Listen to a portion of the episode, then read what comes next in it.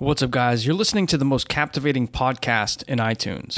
That's right, the Elite Man Podcast, where we turn average men into elite men every day. We record episodes and interview the very best experts from around the world and cover topics relating to health, success, mindset, business, and even social issues. And each week, we give you some of the best advice and information on the planet. Subscribe now if you haven't already and enjoy the show. And oh, yeah, if you really enjoy it, leave us a review. Your elite life begins now. On today's episode, episode number 315, entitled How to Develop Your Critical Thinking Skills at Work, at Home, and in the Real World, I chat with Stephen J. Pearlman. Stephen J. Pearlman, PhD, is a critical thinking expert and educator who has worked in higher education for 30 years, and he's the author of the new book, America's Critical Thinking Crisis The Failure and Promise of Education. In today's episode, Steve talks about the failure of our education system to teach children and young adults about one of the most important skills in life critical thinking. He breaks down what critical thinking really is, why we need to develop this skill, and why so many people are missing this skill in today's world. Steve talks about what we can do now to harness our critical thinking abilities and tap into much greater success in life. If you're wondering how to develop one of the most important skills in life, check this episode out now. You are going to love it.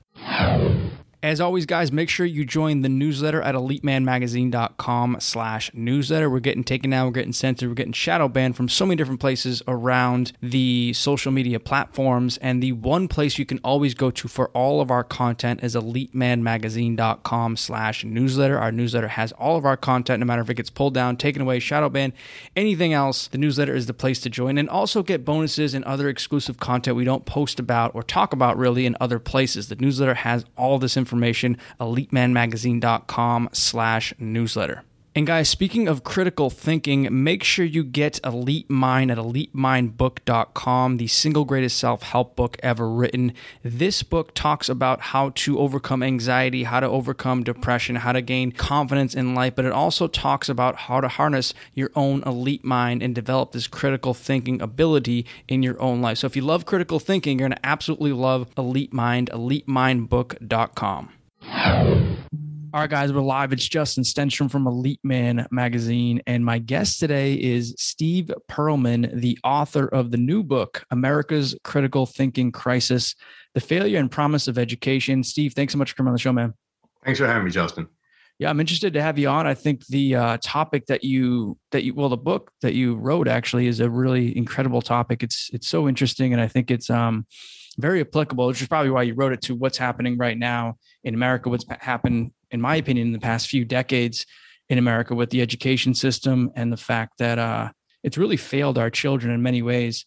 And uh, what, what, so let's start with this. What made you write this book in the past couple of months? Like, what got you into? I know you had a background in academia. What actually made you take a deeper look into the crisis of education and sort of your background in doing this for the past, I think believe, thirty years or so? What made you take a, like a higher end view of that and actually write this book? Well, the work is a culmination of a lot of effort that my colleague David Carillo and I have put in over the last 10 years. So I've been in education, higher education, for 30 years, teaching at um, different colleges in the United States, some elite colleges, and so forth. And my emphasis was always on critical thinking.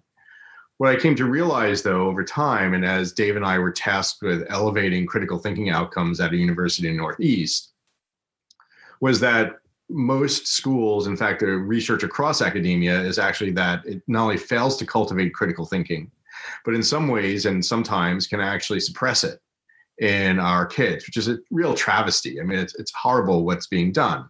And I want to be really clear uh, I don't fault educators for this. Educators need our support. They're not necessarily trained specifically in how to do this, and they have a lot of constraints on them, often by the state that regulate what they can do. So educators need more help from us and they don't need any anger from us at all. They need support. They're trying to do the best work. Yeah, I agree. But nevertheless, as we looked at this issue, and the reason that this book came out now is that eventually we figured out ways to actually teach critical thinking. And so eventually there's a story to tell here about the nature of the problem and also what some of the solutions could be. Because we could have written about the nature of the problem years ago, but I didn't want to just write about a problem. I want to talk about also how it's possible to solve for it and what its implications are around for you know people in the United States and, and how we all view critical thinking and view ourselves and measure what's important. So let's just first start off with then what actually is critical thinking and your definition of it. Why is it so important? Well, it's really hard to define critical thinking in a in a really in a nutshell, right? And that's one of the challenging things about it. One of the challenging things about our brains is that they're so complicated that it's hard for us to synopsize in any way exactly what thinking is. And so we could come up with simple definitions that might say, well, it's to analyze, or it might be to problem solve, or it might be to think outside the box, or what have you.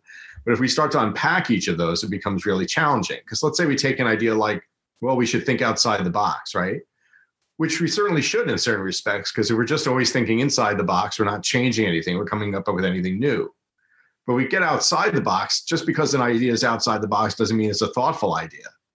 You know, so I can come up with, like Steve Martin said, the death penalty for the parking violation, right? Well, that's an outside the box idea, but I don't think any of us are in favor of it. Yeah. So after we get into that, and we sort of get into this word scramble about what critical thinking is, and everyone will use their own terminology, we then get into the problem of how many layers of cognitive bias we have, about what we're doing. There are hundreds of kinds of different cognitive biases. There are linguistic biases. There are cultural biases that we don't know anything about when we're doing them. And there's no way for us to check ourselves against 100 cognitive biases when we're trying to think critically or define that effectively in a way that's useful. So let me take it down for you in a way that's really simple it's a little bit of an oversimplification, but what we figured out, what neurobiologists figured out by we studied evolution, studied organisms across the United States, across the world and their evolution and how organisms got to think. And they figured out something really interesting.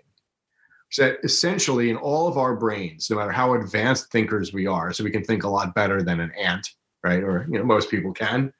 Uh, no matter how advanced we are in our thinking, the nut of critical thinking, the real root of it, comes down to a binary action in our minds, right? Which is deciding to move away from danger and deciding to move toward a reward.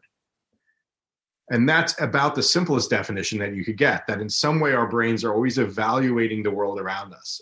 They're perceiving what's going on, they're perceiving danger and reward, and they're deciding to move away from danger and move toward reward. Those organisms that are better at accomplishing that at more advanced levels are the ones that are going to dominate the world, as humanity has come to do, because we certainly have better brains than all the other creatures on the planet. So, in essence, that's what we do. Now, we can, after that, we can get into more highfalutin discussions of what critical thinking is and all the layers that build on that. But if you really want to think about it, that's the nutshell of the critical thinking act right there. Is moving towards survival and away from danger, essentially. That's right. Cool. And how did you so how did you come up with this idea of critical thinking and and why have you critically thought about this idea for so long being in that system where I think it's, you know, uh, quite honestly lacking in you know huge ways in the education system like a lot of people sort of have that groupthink mentality and they they sort of get, you know, brainwashed in many ways by the ideas of the establishment and you know the educate which you know you learn a lot of things um from academics. I'm not saying put it all down but you do learn a lot of great things but you also sort of get swept up in a sort of a groupthink mentality and can't step away from all the stuff that you're being told. So how did you as someone who was sort of a part of that for so many years critically think about this subject and sort of be able to step away from that? It's a great question. So in my own teaching over 30 years i always tried to emphasize critical thinking looking back now i don't think i did it as well as i could have in my earlier years now that I know a lot more about it. Uh, but eventually, my colleague Dave Carillo and I were at the criticalthinkinginitiative.org. We decided to take on the the project of raising critical thinking outcomes across university. Now, that's a very sounds like something that would be obvious for a university to want to do. It would seem like that there's a well trodden path to going and accomplishing something like that. But the, the fact of the matter is that it's almost never been done there are very few universities that can demonstrate critical thinking growth in their students from the time they start as freshmen to the time they graduate. Or if they are showing that critical thinking improves, they're not necessarily able to connect it to education. So we can say that uh, you know someone who's 22 and graduating college is thinking a little better than someone who's 18 coming into college, but we can't necessarily say that was specifically because of the education they received in all cases. So there's that real problem. We tried to do it and we tried to link it directly to a, to an educational method for accomplishing that, which we did. It's really exciting. So that's why this book resulted, and that's why I'm here. It's because we actually accomplished this very rare goal of elevating critical thinking across university. And you're right that we're all steeped in our own worlds, we're all steeped in our own context. And that's true for people who go to college, and it's true for people who don't go to college. We are all embasked in some kind of context that we live in, some paradigms, right, that we have. And none of us can think outside of those very easily. It's possible, but it takes a lot of work for us and a lot of effort for us to be able to think outside of our own context. And the only way that we can do that is to be able to encounter information and ideas that exist from outside of our paradigms and outside of our context. And when we have those, to be able to have the presence of mind enough and the fairness of mind enough to know when we are evaluating that information fairly versus when we're not really thinking about that information or evaluating it fairly. And in order to do that, we need some kind of thinking process that holds us to the fire so that our emotions and our predispositions are not taking over.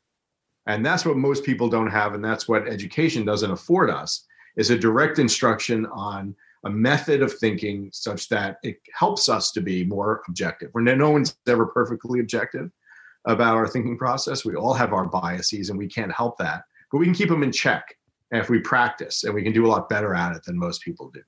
Yeah. So what does that um, practice look like? How did, what did you teach your students and what are you teaching people right now to step away from that bias and be able to look at, you know, both sides really to the uh, problem or the solution and um, figure out like what the truth is in the middle of both of that? Sure. Well, first of all, I'd say this: the the formal process that we developed and we actually teach is you know a much longer conversation. But the shorter answer for it that goes on here is to be able to be highly metacognitive in what we do. And what that means, a fancy term for knowing how we think when we think. We're thinking about our thinking while we're doing it is a definition of metacognition. So, what we ask people to do informally is before we take them into the training, and what the training really teaches people to do more formally is to be aware of the thinking moves that they're making when they're making them. And so, anyone who's listening to this podcast can start to do that. And what a great way to do that on a daily basis is to keep a journal and talk about any decision that you made during the day. And it could be a simple decision, like what you had for lunch that day, is a decision that we made, all the way up to something really important you know, it could be up to a life decision, uh, getting married, a political viewpoint, or what have you. All these things can fall under it. It doesn't matter. Because again, what we're doing for any decision is the same. The process is the same. The intellectual work is the same. The question is, how well are we doing that intellectual work and what is the context for it? Right. So let me give you an example. Most people will say, well, if we talk to a group of people or we talk to a bunch of employees or managers, and say, what what what did you decide to wear today? Why did you decide to wear it? And let's say it's a hot day and it's in the summer and everyone's there in, you know, short sleeve shirts. We'll say, well, how many of you considered whether or not to wear a snow jacket to work today? Right. And no one will raise their hand. And we'll say, well, that's incorrect. Right. Somewhere in your brain, somewhere in your brain, when you went and you decided what to wear today, there was some knowledge that you did not want to wear a snow jacket, that it was too warm outside for that snow jacket. But you think so well and so unconsciously as a human being, you do this act so beautifully that you didn't realize that you thought about that. You didn't realize that was part of your process. And so, what we try to get people to do through this process and, and this journaling is to really take out all of the things that they considered in that process and weigh them. And that means having to admit to ourselves some things. What were some of the answers I wanted to have? Right? What were some of the emotions that I had in that decision? What are some of the things that might have affected this decision from the way I was raised? You know, or from my other worldviews, or from fears that I have. So you might have people who say, well, ultimately, when you know, I didn't consider it at first, but when I really started to practice this and practice this metacognition and listing things that mattered to me in my decision making. I didn't realize that I, part of why I chose what to wear was fear. That I dress up really well because I'm scared that if I don't, people won't have as much respect for me. But that might not have been something they realized initially. And so over time, with a lot of iteration, people can start to realize more and more of what's affecting their thinking as they start to make decisions. What what did they want the decision to look like? What did they want an outcome to be? Uh, what world? What kind of information might have challenged their worldview and made them uncomfortable? And I avoided that information because it would have meant I was wrong about something or I was uncomfortable about something. And as we become self aware of all that, we're able to make better decisions. Again, that's sort of the informal version of the project. And to build on something else you said here, which is really interesting, it's often something we hear. It's not to pick on you at all. It's a really, it's a good question, and it is important in a lot of senses. You said to look at both sides of things, right? And and that is part of it because a lot of times people only look at one side of things and they only follow their initial worldview. But what we try to also tell people is there are many sides to things, right? It's not just yes or no, but it's yes, kind of, and yes, but, and yes, a little, or yes for this reason or yes for that reason and then we have all the no's on the other side so to think of this as a rich matrix of factors and possible decisions instead of just being right or being wrong. And one of the things that we're always telling people in fact is it's better to be smart than right. Because very often we can't really know when we're right. Right's a very hard thing to achieve ever. To be know what the truth is is very hard to achieve right? In most standards we can never really know what is exactly true we can, however, know often when we're making a smarter decision as opposed to a decision that might not be as smart. We can know when we've considered more evidence. We can know when we've been more metacognitively aware. And, and those things lead us to better and better decisions. But nevertheless, we're not always right as it goes forward. Yeah. And I think I've kind of forgot to ask you this, but what is the importance of, before we sort of dive more into this, and this is a fascinating topic, but what is the importance of getting this training for children especially like younger children and then obviously higher education people that you have worked with you know the 18 to 22 year olds et cetera that sort of age and even early 20s but what is the importance of them being able to develop this critical thinking skill later on in life? Like when they're in college when they're in school obviously it's important but when they're in the real world afterwards how much more important is it and why is it such a, a big focus for you or was it a big focus for you too Great question. So let's talk about why it's so important because a lot of people will think that they have good critical thinking skills. And certainly we all do to a degree, right? Everyone can think to a degree. There's an interesting study done that what the study found out was that when it comes to making real life decisions, critical thinking is different than intelligence. That the actual skill of critical thinking has more impact on making good real life decisions than just being smart, than just having a high IQ. So we might know a lot of people who are smart people in the world, but that doesn't necessarily mean we're really trained in what it is to think critically. You might hire a lot of smart people for your organization. That doesn't really mean they're necessarily trained in what it is to think critically. Those are two different things. They're, they overlap. Certainly, we know smarter people might tend to think critically more than dumb people, right? And I don't think there are many dumb people in the world, but there are a few. Um, but nevertheless, we might think that they make better decisions more often. And there is some overlapping there, sure, but they're not the same thing. And that's really important to establish. The second way to answer your question is this, and it's a really great question because it encompasses so much of this, which is that we know that babies, by the time they're 16 months old, start to differentiate between when someone's lying to them versus when someone's telling them the truth. At 16 months, wow. they will look away from somebody who's who's fibbing to them. Now it has to be about something that they would be able to know truth from falsity about when they're only 16 months old. So if you tell them, you know, who the president is or what have you, they're not gonna they're not gonna look away. They don't know what you're talking about, right? But if it's well, you know, you're you say you say mommy's not in the room when she's standing next to you or something like that, they start to make these differentiations. So what we know is that from the time we're very young, we actually are always thinking critically. Uh, it's baked into us and there are studies that show decision making processes and critical thinking earlier on than 16 months in fact. In fact babies when they're just out of the womb they've tested them in the hospital after they were just delivered we'll look at uh, if they show them um, they show them a tablet and the tablet's making a number of beeping sounds in a row. So it might make eight beeping sounds in a row or 12 beeping sounds in a row. And they have also uh, little dots on there and they either have 12 dots for 12 beeping sounds or they have six dots for 12 beeping sounds. What they know from eye contact that the babies make with these screens is that they actually show greater attention to the screen when it's the correct number of dots relative to the number of sounds. So, in some way, they're making these associations. That's how smart humans are. They're already starting to make these right out of the womb, uh, uh, a day old, right? Yeah. And, and that's absolutely fascinating. Now it has to be a bigger, big enough differentiation. It has to be a factor of six when they're first born. It gets smaller very fast. But you know, if you show them 12 or 11, they they don't really quite know the difference. But if you show them 12 or six, they'll they'll understand the difference at that point. Still, their eyes barely work.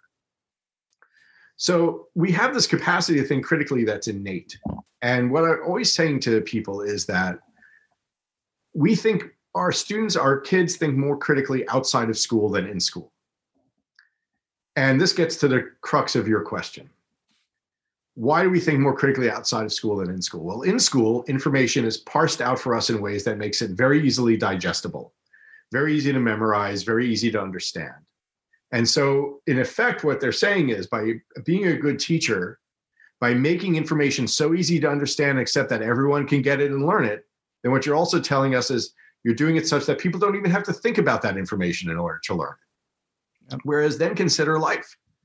Life outside of school is a very complex place. Lots of wicked problems in life. From at any age, we're facing really interesting, intricate problems that have a lot of dynamics to them right? You put a kid in a sandbox when they're young and there's another kid in the sandbox and they have to negotiate who gets the toy and don't throw sand in the other kid's face and all these other things and what to play that's a very complex rich social situation with a lot of dynamics and desires and affects things that are going to affect it. You know how cold is it? Do i want to touch the sand over here? Do i want to move away from this person and toward them and so on right? But then they go to school and it's well okay now we want you to remember this particular fact right? Well that's much less complex and rich to the brain. Brain doesn't find that interesting at all. And we what we know is that kind of teaching that kind of didactic instruction actually turns the brain off to a large degree shuts it down so from the time that kids are young all the way through whatever education level they attain it should be focused on cultivating their ability to com- deal with complexity and richness and uncertainty rather than giving them pieces of information that they can easily embrace and remember and understand.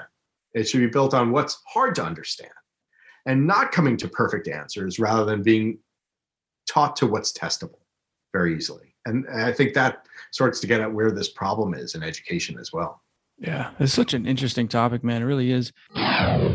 Caldera Lab has high performance men's skincare and it combines pharmaceutical grade science, nature's purest and most potent ingredients, and sustainable business practices. They have a product called The Good, which is a clinically proven multifunctional non toxic formula of 27 active botanicals meticulously infused over four weeks in an EcoCert Cosmos certified facility. It's formulated with wild harvested, non GMO, and organic ingredients and is a lightweight all in one treatment designed to restore, nourish, and protect a man's skin. Caldera Lab is the first men's skincare in the USA to be certified by both EcoCert and Made Safe. I've tried the good now for a number of weeks and I absolutely love it. I got to be honest, I wasn't quite sure if I'd love it because I'm not a huge skincare guy and I haven't taken a ton of different skincare products in the past. Although I've taken a few, I didn't really love the results I got with them. But after taking the good for just a couple of days, I noticed almost right away how more refreshed and nourished and just overall better looking my skin felt and looked. The good really is that good. And that's why I'm recommending it for you guys to take as well. It really is, in my personal opinion, the very best skincare product for men on the market. And by the way, GQ agrees with me as well. They call it the best natural face serum for men. So whether you're tackling dry skin, acne scars, wrinkles, or just want to do you and invest in healthier skin, kind of like me,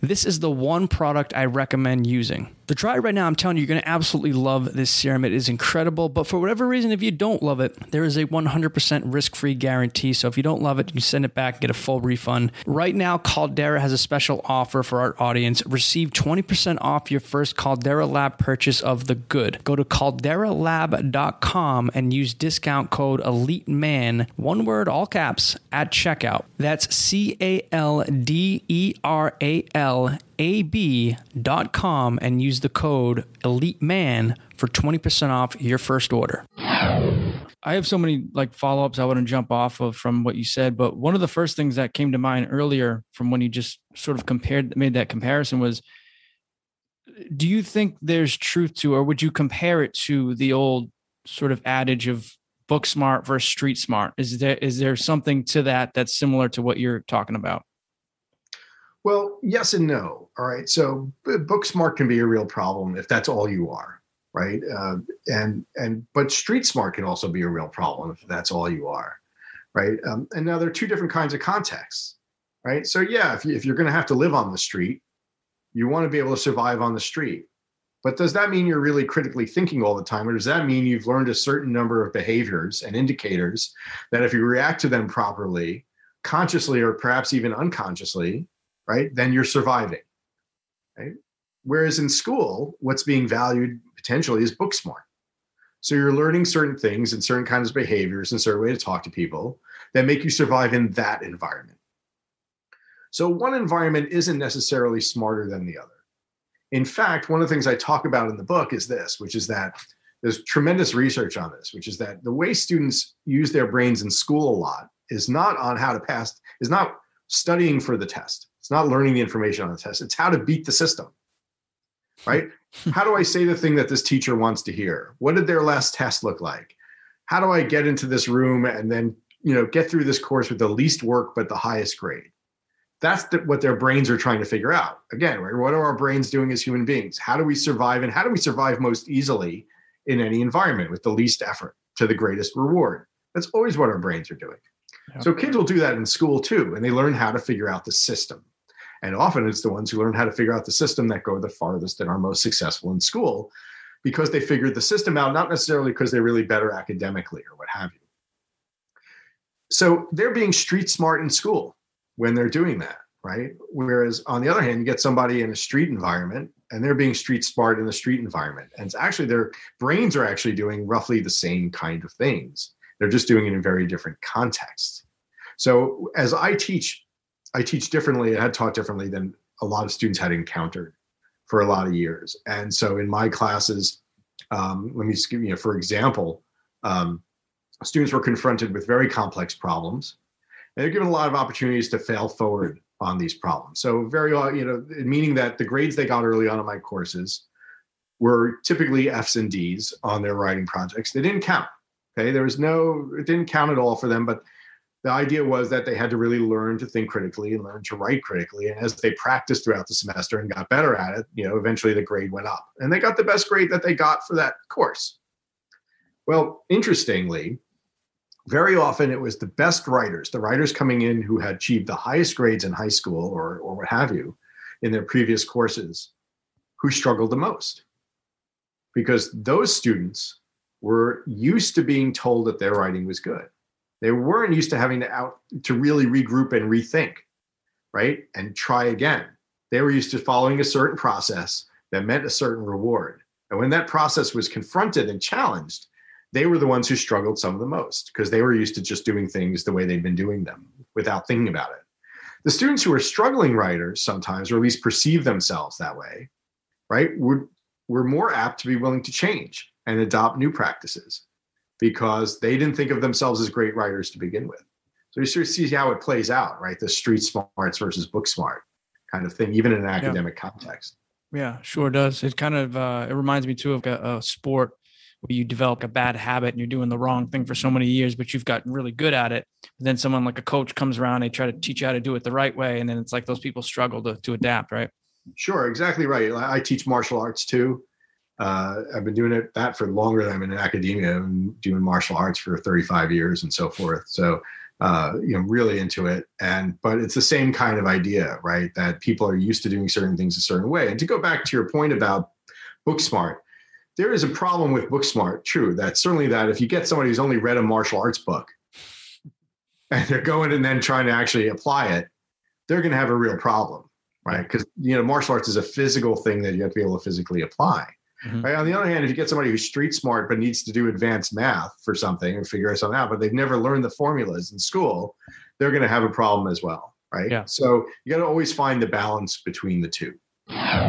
Those of you who listen to my show know I try to make mindfulness part of my daily routine. I try to do some type of meditation practice every single day, whether it be for 10 minutes, half hour, or even an hour sometimes. I've tried some meditation apps to help, but I don't get the hype. My results have been inconsistent at best. Even the big name apps out there, I've tried them in the past. I just didn't really like them, didn't feel comfortable with them, and they really didn't help me to actually get into the zone and meditate. I felt like I needed a lot more, so I tried NuCalm. And I gotta be honest, NuCalm is incredible. From the first minute I tried it, the first time I used it, I absolutely loved it. With NuCalm, it takes just a couple of minutes to get relaxed and feel like I'm in the meditative zone, and then that's where all the magic really happens. I've been using NuCalm every day for the past few weeks, and it's like my midday charge up. I use it every day in the afternoon, and it's like my midday boost to get me in the zone, to have that meditation practice, and then when it's over, feel incredible for the rest of the day. NuCalm gets you into a deep transcendental meditative state every time. No matter if you're just starting your mindfulness practice or you have been meditating for years, NuCalm will allow you to make the most of your mindfulness sessions. NuCalm is the only system of its kind clinically proven in over 1 million sessions to improve your sleep, reduce your stress, and boost your recovery without drugs and side effects. The NuCalm system uses cutting edge neuroscience and consists of three non invasive and non pharmaceutical items, all of which are included in your monthly subscription that costs less than a daily cup of coffee. The whole process is easy to use and work into your daily routine to achieve better sleep, reduce stress, and boost your recovery. Do what I did. Own the day with NuCalm. We have a special link set up specifically for our listeners. Go to elitenucalm.com and get 50% off your 30-day subscription of NuCalm and their money-back guarantee. That's elite, N-U-C-A-L-M dot com. Elite, N-U-C-A-L-M dot com. For your um, specific example of the students that would come in and the ones that would struggle, the ones that would do good, what would you do differently that really challenged those people that were like A students before and they would come into your class and get D's and F's in the first semester? What were you doing to really throw them off? Asking for critical thinking in their writing. Like what? Like to follow up on like why they were writing things certain ways or like that type of thing? Yeah, well, ultimately we developed a way where we can measure the sort of measure the percentage of their writing that was engaging in any kind of legitimate critical thinking act. The unfortunate thing is that in it, this was one of the largest studies done in higher education, and it's worse at high school and worse at junior high by far. One of the largest studies done in higher education, where we really think students are going to be thinking critically more, they found that two thirds of all writing assignments in higher education only ask students to summarize what they read. So basically, they're just regurgitating somebody else's ideas that they read. Yeah. Right. So that's not thinking at all. Yeah. They found fewer than one in five assignments even asked for anything that resembled critical thinking. And then we know that just because they asked for it doesn't mean that they were necessarily doing any of it. In fact, we know most professors never really grade explicitly on critical thinking. It's implicit part of what they do, they think, but it's not an explicit thing that they really define and look for from the students. So the result and I'm leaving out a lot of research here, but the result is that most students never write with real critical thinking in their pieces. So simply by asking for some and grading them on that, their A work in other classes often fell down to F work in my class. And it's not because the students weren't smart. It's not because they couldn't figure out how to do it. Eventually they could. Usually within a semester, they could be doing great work. But nevertheless, it wasn't something they were accustomed to doing and that's really what the big differentiator was. Yeah makes makes a lot of sense. Do you think too that the people who learn this critical thinking skill not only do they develop this skill which is probably the most important and you know you get the street smart say you get the, the book smart. Just say you have those two kind of things. I know it's a lot more intricate than that. But say you have those two type of smarts and then you have like critical thinking in the middle and it's probably the most important of of both and you want a kind of a combination of both. But when you learn this skill of critical thinking would you say that your your um, book smart education or your ability to learn in school is actually much better? Like you actually learn a lot more when you learn the critical sk- uh, thinking skill. Yeah you learn more in school you learn more everywhere in your life and all throughout everything you do because you're engaging it more critically you're engaging it deeper so what we know, for example, is that if we take students and, and we teach them how to read, and we ask them to read something at whatever level they're at, it doesn't matter. Uh, we can do we can do this at grade school level, and we can do this at PhD level, and we've had to do it at both. But we take students, we ask them to read something and try to tell us what what did it say? Reading for understanding. They achieve a certain level of understanding of that material on, on average, and then on average they retain that information for a certain period of time, right? Well, but if you teach them to read by evaluating a text, which means thinking critically about not what just understanding what the text is saying, but thinking critically about how well it's saying it. How well is it making its point? What evidence is it using? What biases do you see? How well, clearly is it articulated? You teach them to read by thinking critically about their reading. They understand it better, they understand it more deeply, and they understand it for a longer period of time. Now, it's the same reading, it's the same text, and you can read it in about the same amount of time, whether you read it to understand it or you read it to think about it once you get practiced at it right? At first, it's slower to read to think about it until you learn how to do it, but eventually, it's about the same amount of time. So, thinking critically about things improves our understanding of whatever it is that we're engaging. If it's a written text, if it's a song, if it's what your boyfriend or girlfriend or significant other is saying, right? It doesn't really matter. The, the text varies, but the process doesn't change. And that's really what's so important about all of this. Yeah. So the the students, so your your students that came in initially that used to have A's and say B's, and the ones that were doing you know D's or whatever C's before, like the poorer students that were performing well. How did you grade them as such so that in the beginning those A students were doing terrible, but like towards the end of it they were doing great? Did they just automatically almost always pick up this skill of critical thinking? And why was it important for you not to actually really grade them harshly. Like you said, those grades didn't really count in the beginning, and then like flip that around later on so that they did count. At what point did you make that switch to to to instill in them that this is you know meaningful and you do have to you know focus to get that A, but in the beginning it's not really going to matter. All right, great. A lot of questions embedded in there. Yeah. Um, so let me try to unpack them a little bit.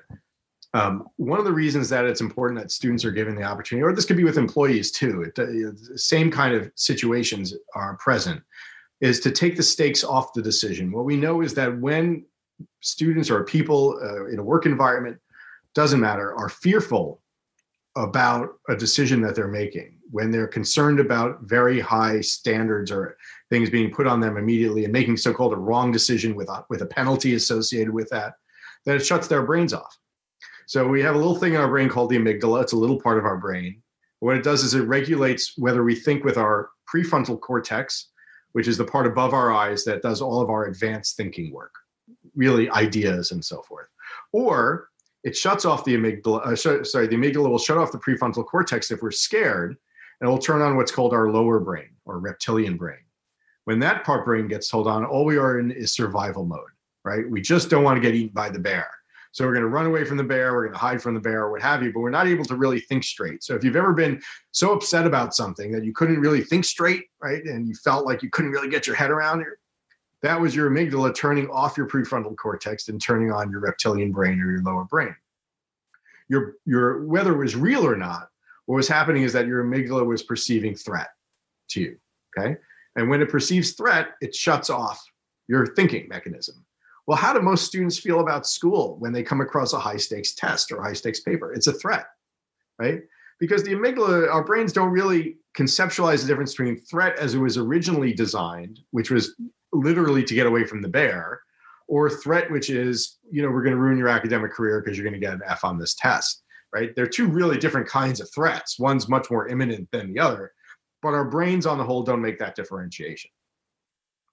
So it's so important if we want people to think critically that we remove from them threat and we turn threat into challenge. And when threat is perceived as a challenge, then our brains turn on. So you take the same stimulus, you make it a challenge, and people feel like, okay, I have an opportunity to overcome this. Then the brains turn on. You make it a threatening to them, and the brains turn off. So if I want students to think critically, or we want our employees to think critically in a work environment, right? The only thing we first thing we have to do is when we can, take the stress off of that, take the threat out of that, and, and make it into opportunity or challenge. That's really important.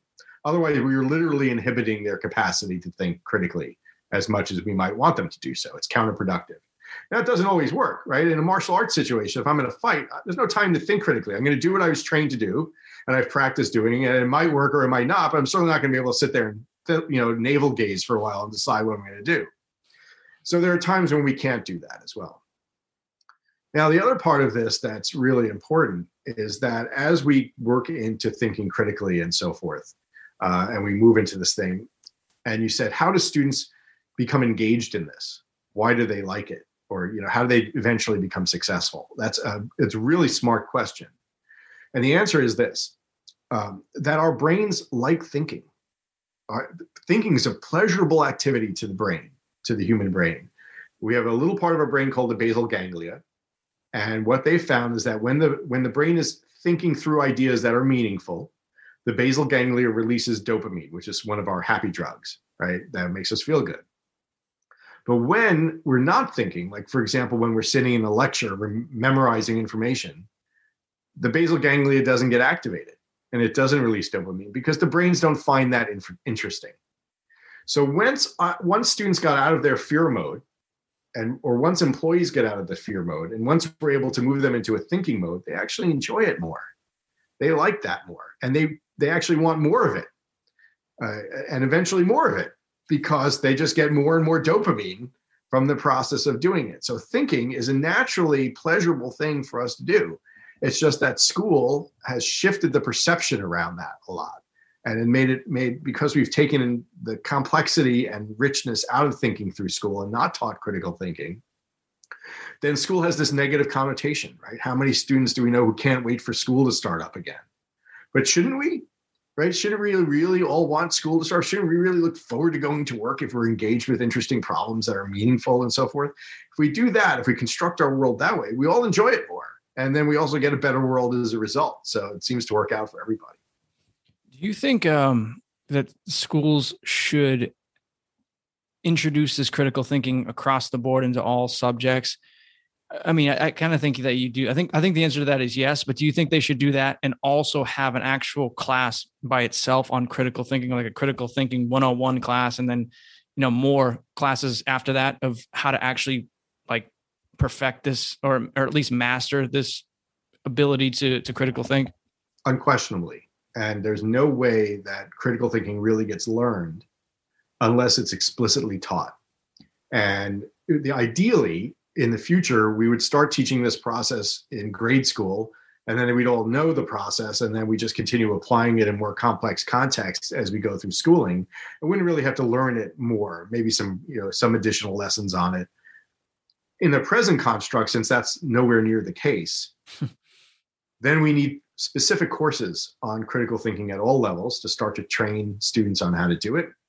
And if they're not getting in school, then we know corporations are asking for it, and some corporations are are bringing people in, and one of them, right, to to train people on how to think critically in their organization, because they're realizing that they're not getting it out of the educational system.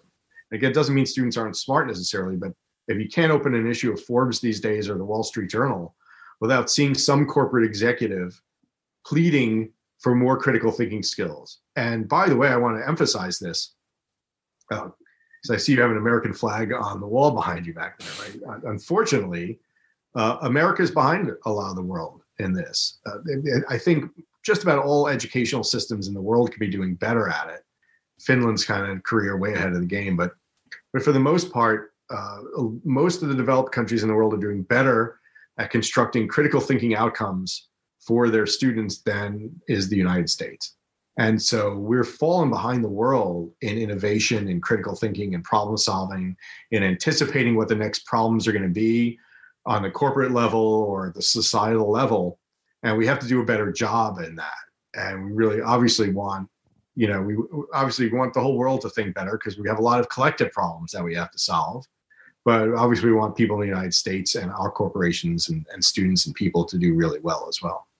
Yeah. Do you think that is the biggest reason why the education system is so far behind in America? There is actually places in in major cities throughout the country, but it, like in Baltimore, where there's not like in a whole district of like Baltimore, there's not like one student who's proficient in math or you know reading like different areas where, where there's whole entire cities of of children in high school that can't pass like a standard math test do you think this is one of the biggest reasons why, though, that they're lacking this critical thinking from an early age, and then they ne- never develop the skills to actually, like like we said before, like this directly attributes to your ability to actually learn the information they're trying to teach you. If you're sitting there in a lecture all day long, and the teacher's just talking, you're not going to pick up that information. You're not going to want to learn it.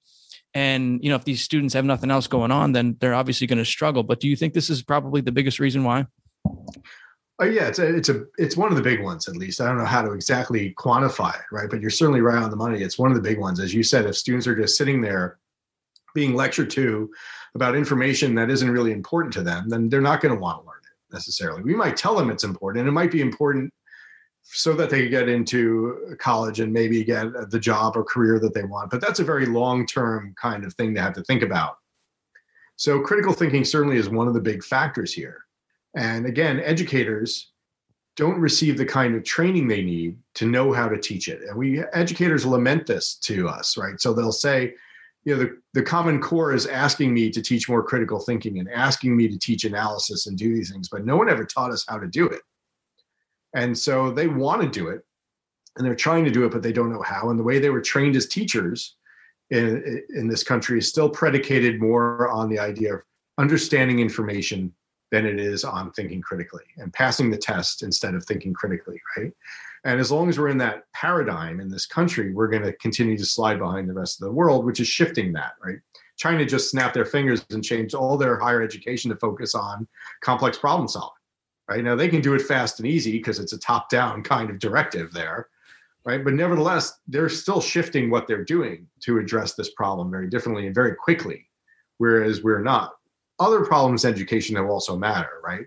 Uh, there are questions of funding, um, funding equity, and things like that that matter certainly in education. There's there are cultural questions in different subcultures uh, that matter really importantly as well. So a lot of that is a factor in what's happening here. But yeah, I think critical thinking is one of the biggest factors for sure. Well, you mentioned this earlier about the business aspect of like a lot of businesses and corporations wanting to go out and have their employees learn this skill.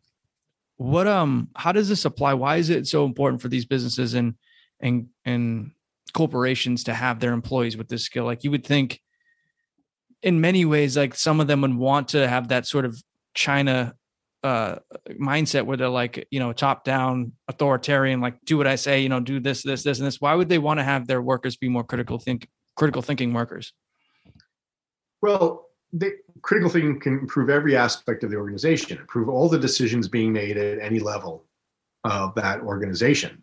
And more importantly, when the information age hit, one of the big things was how's that, and we had this availability of more information. One of the things that challenged corporations at that point was how can we use the internet and and cell phones and so forth to get more data on our clients and get more data on what our competitors are doing and get more data on what the world's going to be like and so on to make decisions about where we should go and and so forth.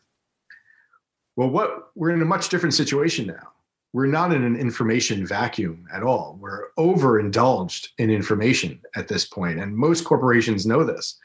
And what they're telling us this isn't me telling you this is them telling us is that they have more data than they've ever had in the world before but they don't have are people who can make sense of that data right? And use it in the most effective way. What they need are people who not only can work with the data they have, but can figure out what is the next question that needs to be asked. Because no data inherently tells you what is the next question that needs to be asked. You know, what is the world going to look like in 10 years? What's the next problem we're going to face? What's a problem we're going to face in five years? What's a problem we're going to face in 10? What's a problem we're going to face in 20? How do we start solving for the 20 year problems now right? And by the way which is what china how china thinks right? They think 50 years out or 100 years out. It's a very old society. So that you know decade doesn't mean so much to them necessarily. But you know corporations things are shifting so quickly. The world is changing so fast. And they're realizing that they have all this information they don't know what to do with it.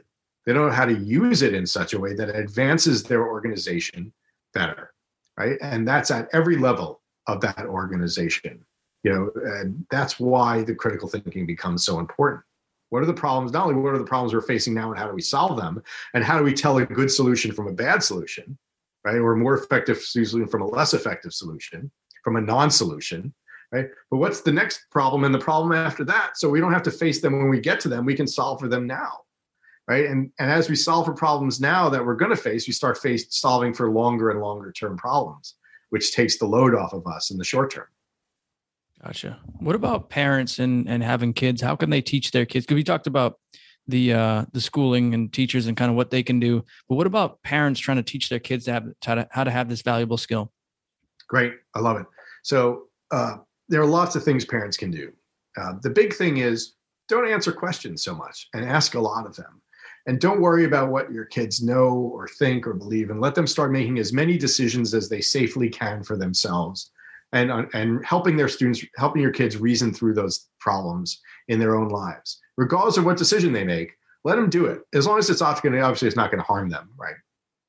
So, what we know, for example, is and this is really interesting. We know that children who are raised by parents and they're told what to do when they get into the college age are less inclined to think critically than parents than children who are raised by parents who ask them what they think they should do. Right? That's it right? If, if i say you know the parent who says you're going to do it because i told you to do it because i'm your parent i'm going to tell you to do it which sometimes was what my parents said to me not very often. Once in a while i heard that and once in a while we got to say that to our kids right? I'm a parent and once in a while that's it's if it's not the only answer i can give it's the only answer i can give at that moment right? Because just do it right? Just do this thing now and that's fine. We all we're all there sometimes, but for the most part, what we want to say is, well, what do you think you should do? Or or if it's something I'm telling them, what do you think I'm going to tell you you can do or can't do or should do here? Why do you think I'm going to tell you that? Why do you think you should do that? Which decision do you think you should do? Oh, I don't know if you should do that. I'm worried that if you do that, there, this might happen. Are you worried about that? A little bit. Or or what are you worried about if that happens? What do you think the pros and cons here are for that. What, what could could you name three other ways you could approach that? And you could do this really early with kids. Um, you know, there's a famous experiment called the marshmallow experiment, where they they put kids in a room with with a researcher, and there's a marshmallow there. And basically, they've done it a lot of different ways. The gist is this: you can eat one marshmallow now, or or if you wait ten minutes, you can have another. Mar- you can have two marshmallows. These are young kids right? And they're always facing these kinds of decisions at, at their different you know levels of development. We can always confront student confront kids with that as parents. It's everything's a marshmallow dilemma question for our children, right? Well, what if you waited? What what other, what other options could you have? Why would you want to eat it now as opposed to why would you want to eat it later? We don't need fancy uh, thinking structures for this necessarily. We can start with the basics and from that premise, if we just raise kids to think about things and become aware of why they're making their decisions, then that becomes habitual to them. And then they do that throughout their lives. And this is really important. This is perhaps the most important aspect of this. Our brains are always wiring themselves. This is neuroplasticity. Our brains are never fixed. Our brains are always being built. Every moment of our lives, we are building our brains to do certain things over other things. There are only going to be so many there's only so much gray matter there and white matter there. We're going to build it in a certain way. If you build your brain to you know to watch TV all the time, your brain's going to be really good at watching TV, which is terrible for our brains. Absolutely terrible. Right? If you build your brain to think, it's going to build wiring, literally different wiring inside the brain, different kinds of material in the brain to think critically. So you have to think as a parent, what do I do today to build a brain in my child that's a thinking brain? How did I do that? Get them off the screens. First of all, screens are terrible. Get them off the screens. Doesn't matter if they kick and scream about it. Get them off the screens. But then, what did I do to build it? What you know? How did I confront them with problems? How did I help them think their way through problems? Because if you do that a little bit today, right, you have to think that magnify that exponentially over 10 years or 18 years of practice. What happens? After those 18 years are over, you have actually a literally different brain in the same child than you would if you didn't do it. It's a brain's wired differently at that point. It's built differently. The parts of it look different when we put it under imaging. So think that every little thing that you do along the way, you're building the brain to be a certain way later on. What and don't you want them to have the best brain as they go out into their lives when they get older? So seize the opportunities when you can seize them every day to do it. Absolutely. It's so true too. I love that uh I love that answer and you know how our brains are always changing neuroplastically. It's uh I think science has proven this more and more the last few years too, like just how important it is to do the right things every day, to have the right habits, to you know actively go out to to shift your brain and change it into the brain that you want to have, as opposed to like that you know TV um, couch potato brain that a lot of people have, especially a lot of Americans these days have. Uh, so what about people individually though listening to the podcast right now for themselves like we've had we've talked about people trying to teach people and you know over the years kind of building building this up from mentors or coaches or teachers or parents. What about people listening right now that want to start thinking more critically themselves? What can they do right now to help themselves? Great. Yeah i take it right back to the to the metacognitive journal. Yep. Right? And start being aware of when you made a decision that day. Pick one decision you made and take 10 minutes to write about it. And ask yourself all kinds of questions about that right? What was I valuing in this decision? What was important to me? What was I scared of? What was I thinking about? You know, how was I raised? How did that affect it if it did? Ask yourself as many questions about that decision as you possibly can.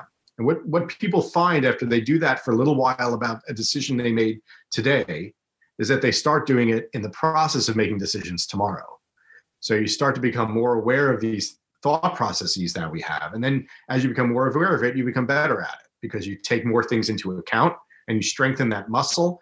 And then instead of just doing it about a decision you made, you start to do it about a decision you're making. Right. And that's when you start to make better decisions as a result of that. So what becomes something that's reflective becomes prescriptive for you in your life. So that's a that's one thing that everyone can do. Second thing is whenever you're perceiving decisions that are threatening to you, and we, they are those, right? Try as much as we can to perceive of them as challenges instead, opportunities in disguise, because that will change the brain from that mode where it's in threat and the and the prefrontal cortex shuts off into that mode where it's perceiving opportunity and the prefrontal cortex turns on. That's another thing that everyone can do in their lives all day. Uh, shut the screens off.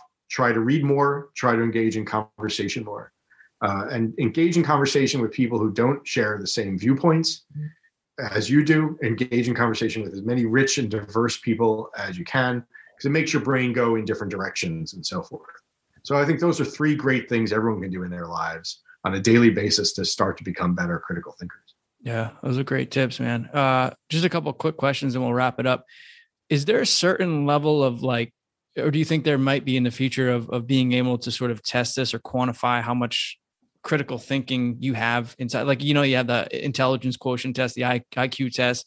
Is there do you think there will be an ability to or is there perhaps an ability to, to quantify someone's level of critical thinking?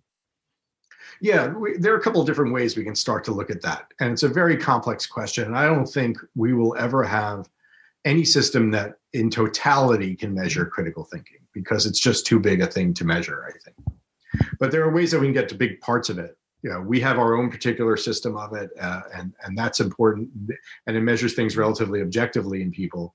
But there are also things like uh, you know how well people can forecast what will happen out of a given set of data right? So we give them a data set uh, whatever it is. It could be a, a, work problem it could be a relationship problem what have you. And we ask them or you know a large global problem and we and we ask them to predict certain things that are going to happen or not happen then we can see well how well how good were they at predicting it and whether or not we can improve their capacity to predict what happens. And we can improve people's capacity to predict what happens. Well that's that's probably a pretty good measure of some kind of critical thinking if we can start to see the future better by looking at the present right and and analyzing and evaluating the data that's available to us. Yeah. Do you recommend uh and this is something I've been actually playing a lot, but like people playing different games of like skill, like say chess or poker, or something like that where really get your mind to like think about the situations and the psychology and reading people and your decisions and like what you want to do. Do you think doing things like that actually helps you improve your critical thinking? Anytime yeah anytime those are great examples. Anytime we're confronting the brain with a complex problem or a wicked problem a rich problem uh, especially when the stakes aren't too high where it's a poker game could be great provided that you know you're not losing your house right? Uh, a chess match or what any kind of wicked problem makes the brain think. And the brain can't help it. It loves thinking. It's going to try to think its way through that problem and therefore it's going to strengthen that muscle. Now the some of the drawbacks to this are this which is that if we chess builds a certain kind of critical thinking it's a very good kind of critical thinking. There's nothing wrong with it, but it's building the thinking muscle in a certain way. Poker builds a different, a little kind of a different thinking muscle, right? And and reading a complex poem builds a different kind of thinking muscle, and trying to engage a business problem uh, builds a different one. And so all of those are good, right? But if we limit ourselves to any one too rigidly, Yep. right, then we're building a narrower channel of thinking capacity as opposed to a richer channel of thinking capacity. But they're all great examples of things. Yeah, yeah. No, it makes a lot of sense. Steve, this has been a great interview, man. I really am fascinated with this topic and uh, you know, all the topics and subjects and just discussions we had in, in this call. But uh, is there a last send off takeaway message you'd like to leave the Elite Man audience and then a place our listeners can check out your book and your website? Yeah, I, I mean, I think the send off message here is that um, we're thinkers by nature. And the fact that we're thinkers by nature doesn't necessarily mean that we can isolate what that thing is and really become better at it. And, and a lot of the problems that we're facing in the world depend on that. And we're certainly going to face other problems as a world where we need better thinkers than what we have right now to solve them. So I hope everyone gets behind this effort in some way, whether it's just individual as a parent or what have you. Um, for parents interested in helping their children out, we are we're going to be launching our new website soon. There's one up now, but you can go to the criticalthinkinginitiative.org uh, and we will have resources there. In fact, we have an online program that we're launching that you'll be able to purchase for your uh, child somewhere between middle school and, and college or graduate school. And it will start to teach them how to think critically uh, that same kind of program will be available for adults as well shortly. And we are obviously also available for consulting with respect to schools and or businesses and other organizations with that. Uh, and, and that's where I'd recommend everyone go. And you can sign up for a newsletter. We'll keep you up to date on what any new ideas are that are coming down the pike from us and well at the same time. Nice. And the website is the criticalthinkinginitiative.org, right? That's correct. I'll add that into the show notes. And the book as well, guys, is America's Critical Thinking Crisis. Steve, thanks again for coming on, man. I really do appreciate it. I know our guys are going to love this one. So take care and I'll talk to you soon. Thanks very much, man. Appreciate it. All right, guys, I hope you enjoyed that episode. But before you go, there's one last thing I'd like you to do, and that's this subscribe to our podcast right now if you haven't already. By subscribing to the podcast, you get every single episode the minute they're released. Get all of our Elite Man podcast episodes and all of our world class advice absolutely free. Subscribe now if you haven't already and become an Elite Man today. And yes, if you do love the podcast, leave us an amazing review. We really do appreciate it.